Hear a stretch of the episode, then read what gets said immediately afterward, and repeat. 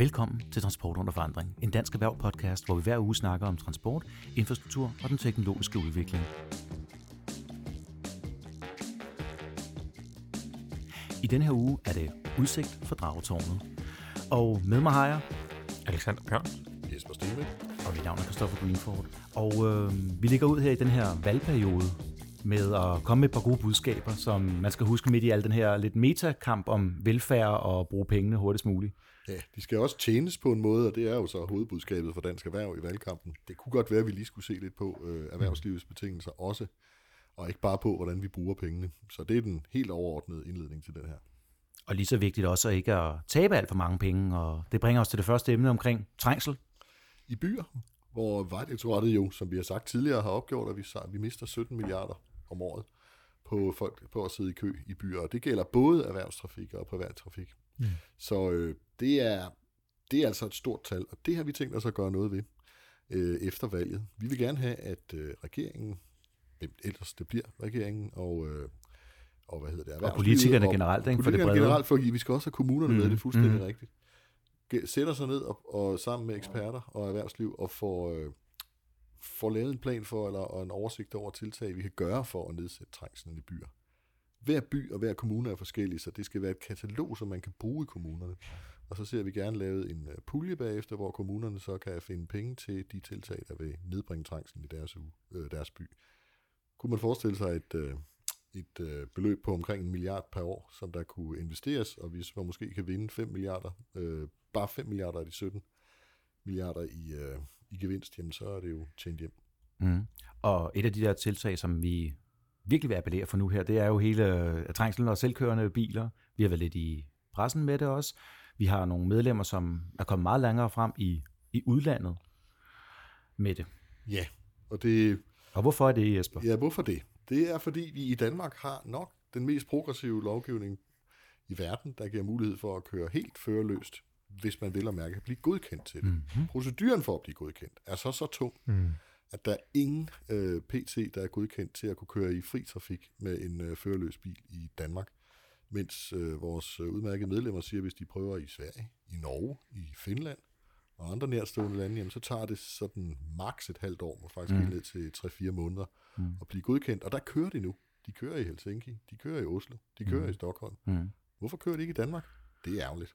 Ja. Så når I siger, at her Dansk Erhverv foreslår, at man afsætter en milliard til bekæmpelse af trængsel i byerne om året, er det så nogle penge, som også skal gå til at udbrede selvkørende projekter i, i byerne, eller er det et helt andet projekt ved siden af? Det vil jo være en del af det.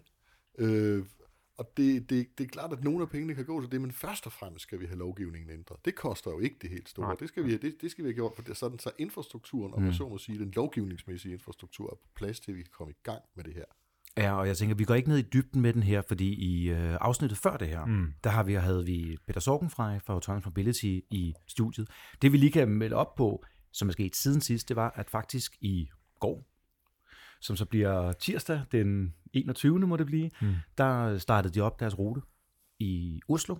Med, det har taget to måneder at ansøge om den. Der var fint besøg. Jeg mener faktisk, at øh, kongen selv var nede og, og åbne det her. Og det drejer sig om cirka en kilometer lang strækning øh, fra færgeterminalen til centrum af byen. Mm. Og den kører med 18 km i timen. Det er allerede højere end det, vi har haft snak om i, øh, i Danmark. Det er næsten lige så hurtigt som det elløbehjul. Lige præcis. Jamen lige præcis. Og den er, øh, det er et forsøg på 12 måneder, og så kigger de allerede nu. Nogle andre ruter er allerede udpeget deroppe. Og der har ikke været noget specielt bøvl med at få det. Det er det offentlige, der har hjulpet til med det. De har fremskyndet det. Det har taget to måneder, og de er i gang med at køre nu. Og de siger, indtil videre virker det super. Er der en ting, der skal arbejdes på, som man skal indsamle noget på, det er den sociale antenne, som de kalder det. Altså det der med at kunne læse folks kropssprog eller øjne. Altså det, vi er vant til at gøre i trafikken, alt det der ting. Mm. I stedet for, at den kun er inde i sin, uh, sin teknik. Og alt det, det er de i gang med at lære i Norge. Al den viden, den kan eksporteres, og den kan bruges på andre områder, og det giver bundlinje. Og hvor er vi henne? Ja, vi er, ved et mærkeligt tilfælde havde jeg faktisk en, en snak med dem, præcis på det tidspunkt, hvor de sad og snakkede om, nu klipper de altså øh, silkesnoren i, øh, i Norge og går i gang. Mens vi sad og snakkede om i Danmark, for det første de besværligheder, de har med at blive godkendt til projekterne. En anden ting, de så fortalte, som næsten er endnu værre, det er, at det her det er jo forsøgsprojekter. Det er læring, som du siger. Lige præcis. Men de danske projekter skal være så klart defineret og beskrevet mm. i, uh, i materialet, at hvis de så, når de er i gang med forsøget, kommer i tanke om, hov, det her, det var der ikke helt, som vi havde tænkt os, det bliver vi nødt til at lave om. Mm.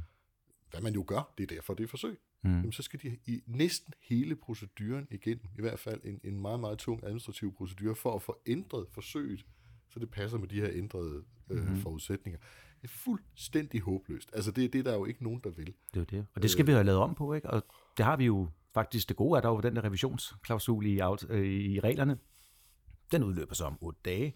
Jeg har ikke hørt nogen politikere være ude og sige noget om det her, så måske så... Øh, det er ret imponerende her. det er svært at tale en politiker op, men i Norge kan man få kongen til at møde op på to måneders varsel. Ikke? Det kan vi så lade stå og tænke over, hvor... Det kan være, at han nu længe har gået og ønsket sig et alternativ til den der guldkaret, han kører rundt i, og nu godt kunne tænke sig en lidt mere komfortabel bus. ja, derfor man kan nok komme ned. ikke særlig male i de der guldkareter. Nej, nej, det jeg bladfjeder, det er ikke særlig sjovt. Mm, nej, nej, nej. Så. så der håber vi, at man kommer videre på det her. Mm. Så øh, er det også ugen, hvor vi kom frem med DSB's gamle gæld. Man snakker altid bare om det. Den er, den er på det laveste, den har været siden, i, uh, siden 2000. Ja, 3,8 milliarder fra et tocifret tal. Og det lyder meget pænt, og det er jo blandt andet, nu siger jeg, som jeg har læst det, jeg kan se, Jesper laver allerede øh, øjnene her, at sige, at det er jo en, et, en positiv drift, et driftsoverskud, mm. og mm, ikke så store investeringer i materiel. Og så er det, man selvfølgelig siger, de får et driftstilskud på 50% af staten for at drive de baner, de gør. Det vil enhver operatør gøre, så det her mm. det er ikke specifikt på DSB. Men det er alligevel, altså så er det nemmere at lave overskud, ikke? Mm. hvis 50% af pengene allerede er, er hentet ind via tilskud fra begyndelsen. Mm.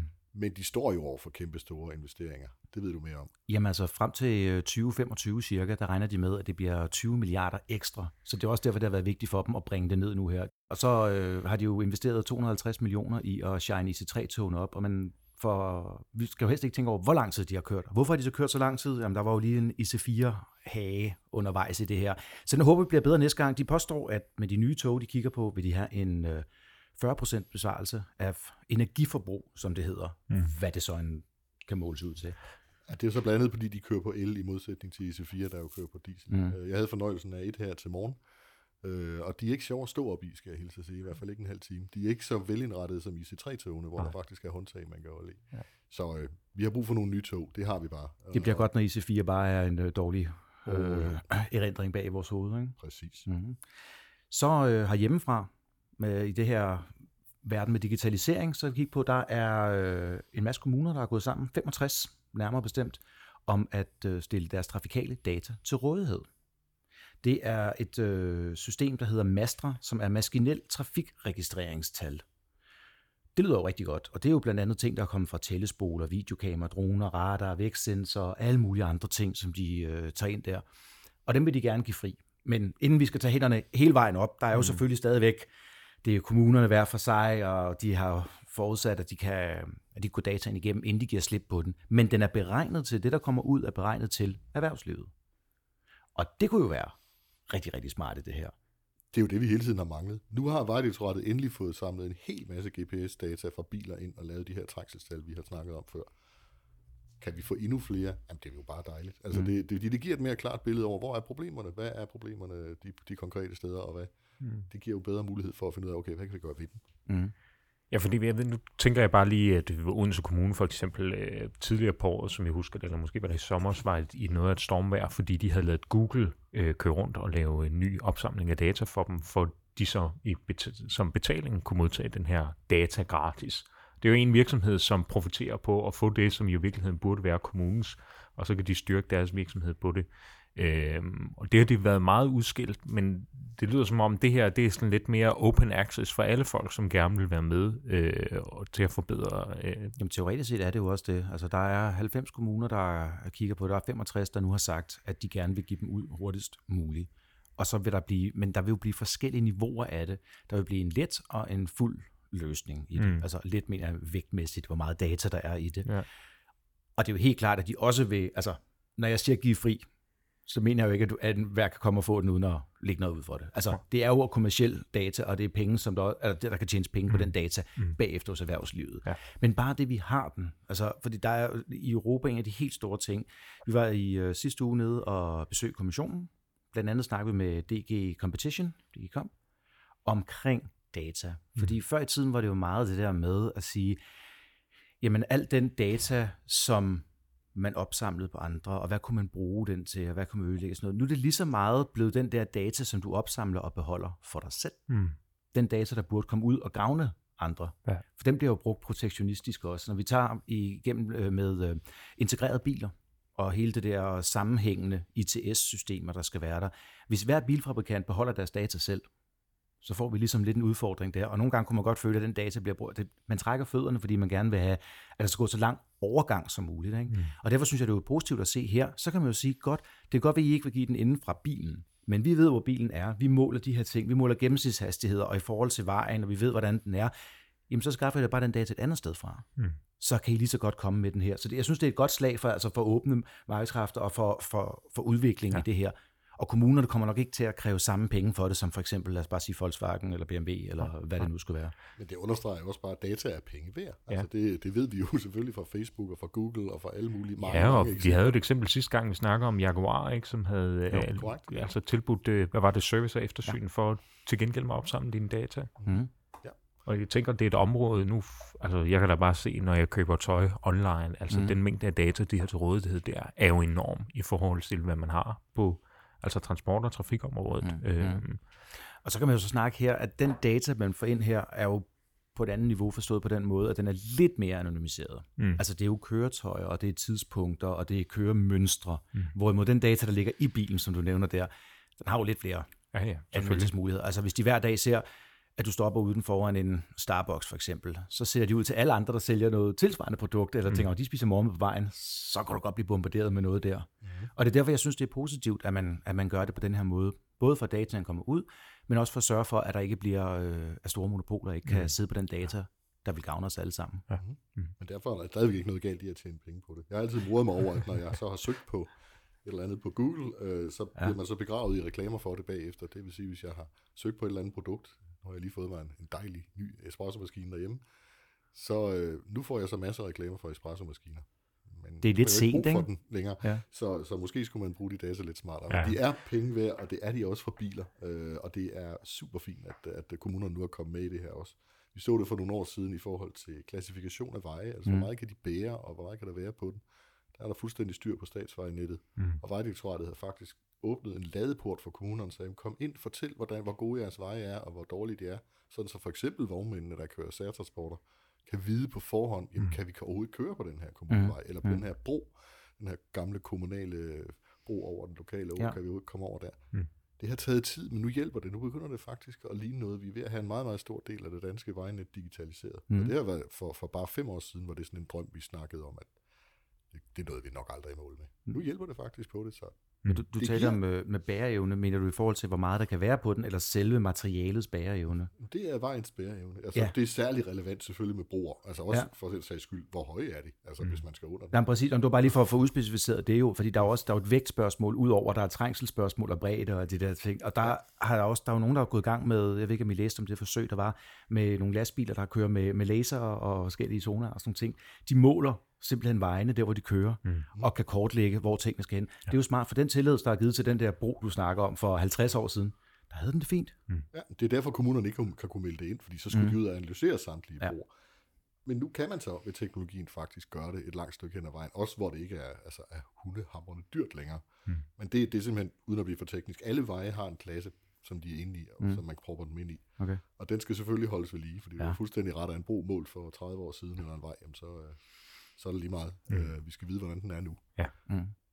Men for lige at skifte emne fra veje til det, der kører på det, så øh, hvor data også er vigtigt, så har vi det her store øh, projekt nu, der hedder, hvordan får vi styr på trængsel i byerne. Har været inde på det før, det kommer vi også ind på i de kommende, fordi vi lærer nyt hele tiden. Men det, for det består af en rigtig mange små, øh, ja, små og store ting, der kan gøres for at sætte ind.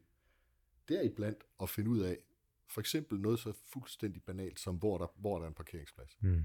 Rigtig, rigtig meget. Op til 20-30 procent mm. af den trafik, der kører rundt i store byer, de kører faktisk og leder efter en parkeringsplads. Okay.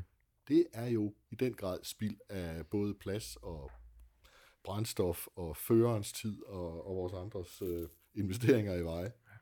Så bare hvis der var et system i de, mm. i, i de fleste byer til, der kunne vise, hvor er det sandsynligt, du kan finde en parkeringsplads, ja.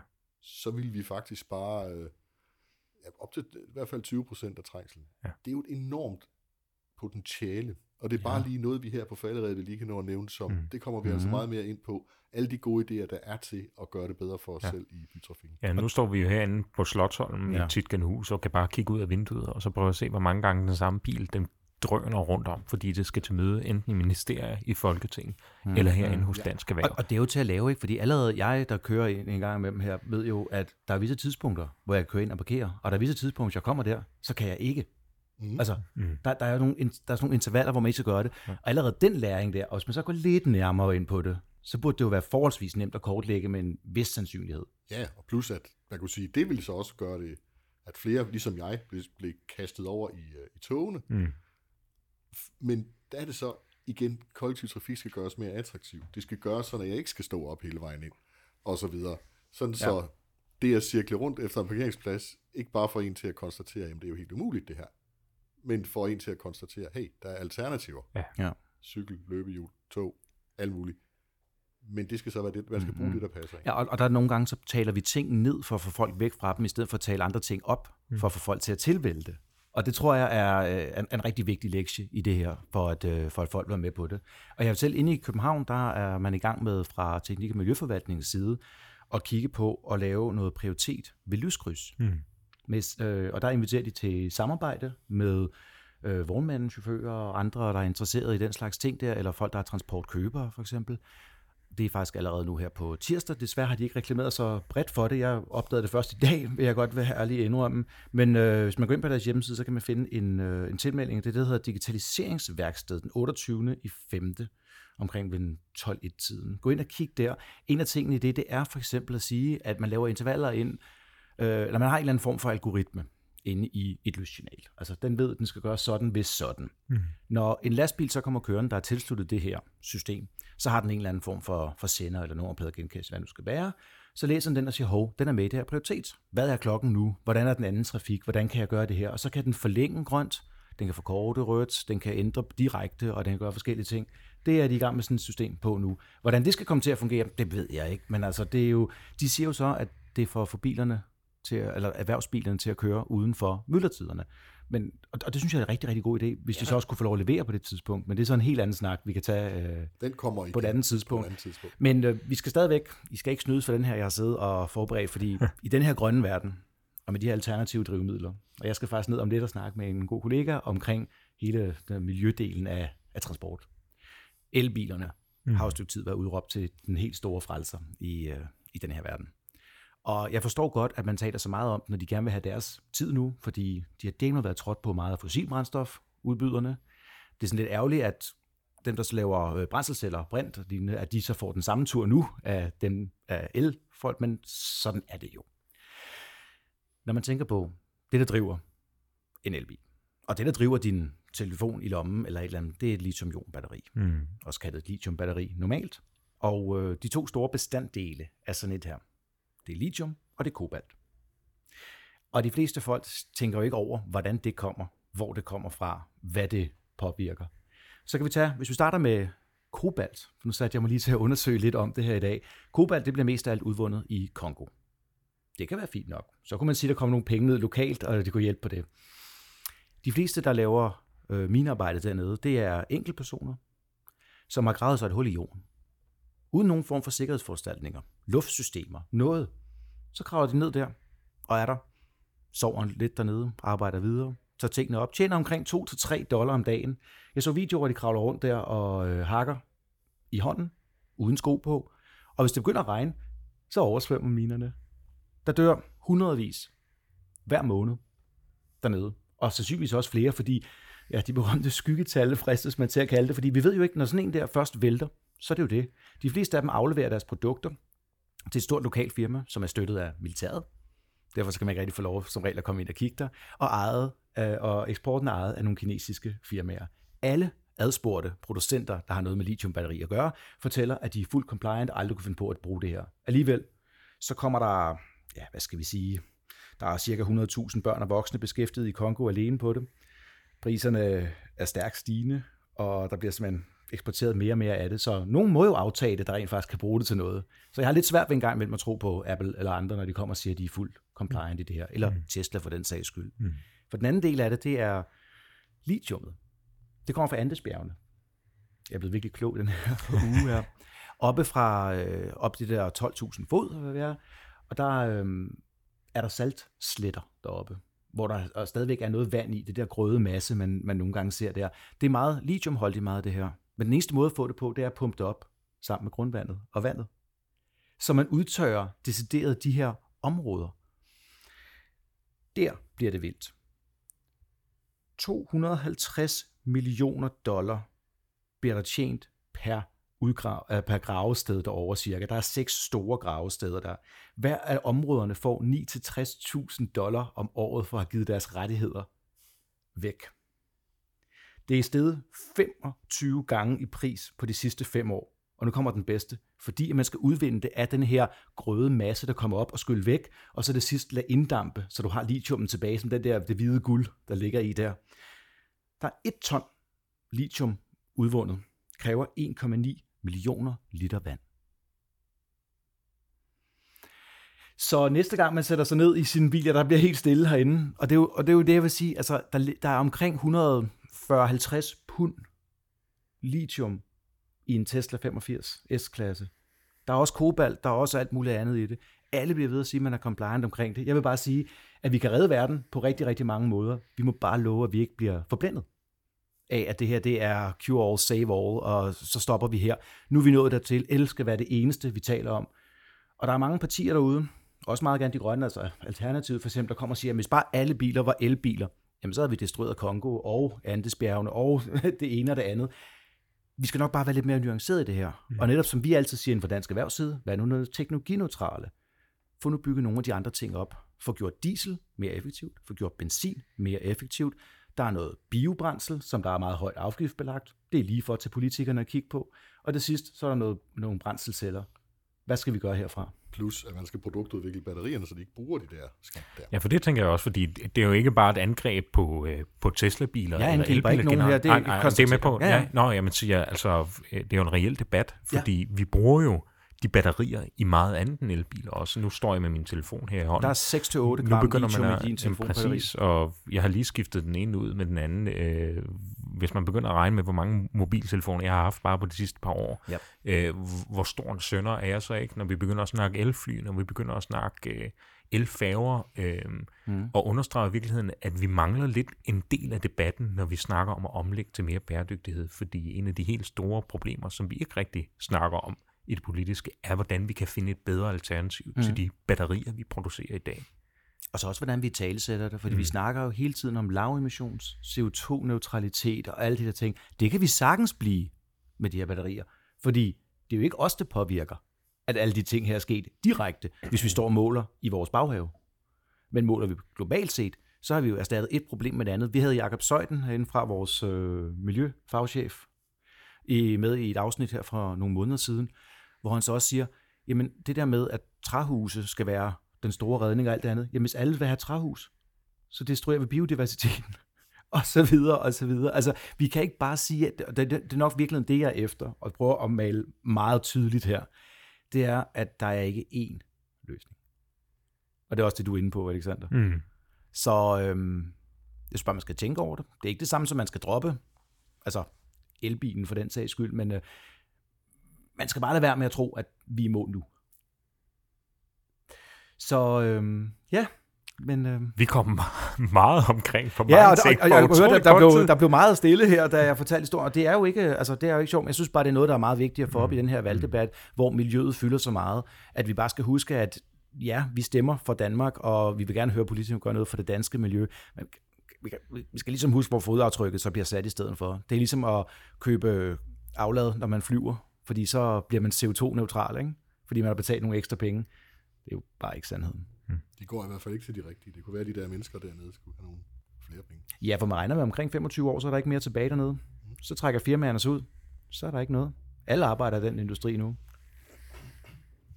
Ja, nå, nu skal du ikke være, være, være deprimerende, deprimerende det hele. Således opløftet. Således opløftet. Vi glæder os til uh, den fortsatte valgkamp. Vi håber jo stadigvæk, at transport mm. kan komme mere på. Vi vil i hvert fald gøre vores uh, del for det.